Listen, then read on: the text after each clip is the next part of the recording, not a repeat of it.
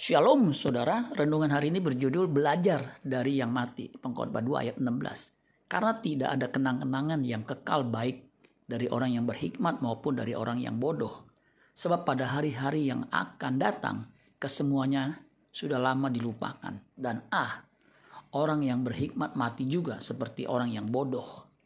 Mengapa kita harus belajar dari orang yang mati?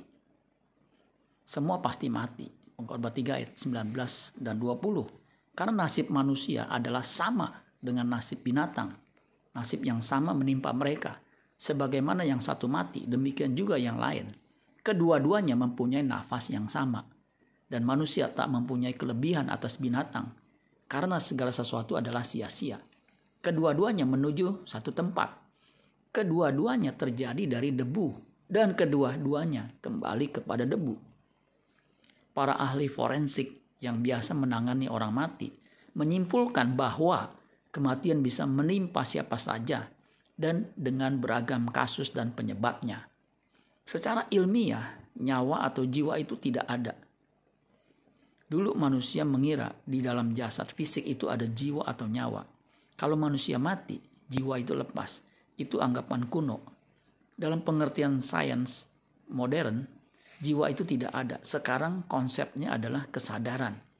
Kesadaran adalah produk metabolisme tubuh pusatnya di otak. Ketika seseorang mati, maka kesadaran itu hilang. Karena proses-proses dalam otak tak tadi tidak lagi bekerja. Sama seperti HP yang tak lagi bekerja karena ada komponennya yang rusak. Hewan juga punya kesadaran, tapi level kecerdasannya jauh di bawah manusia. Kalau hewan mati, yang terjadi persis seperti manusia mati.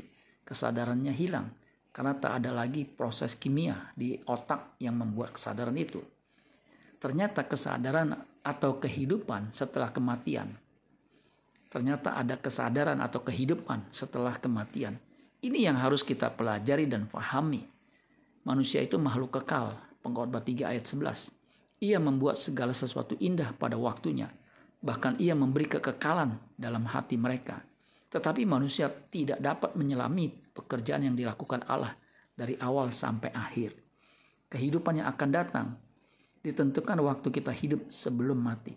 Lukas 16 ayat 23. Tetapi Abraham berkata, "Anak, ingatlah bahwa engkau telah menerima segala yang baik sewaktu hidupmu, sedangkan Lazarus segala yang buruk. Sekarang ia mendapat hiburan dan engkau sangat menderita." Hiduplah benar sebelum mati. Amin buat firman Tuhan. Tuhan Yesus memberkati. Sola Gracia.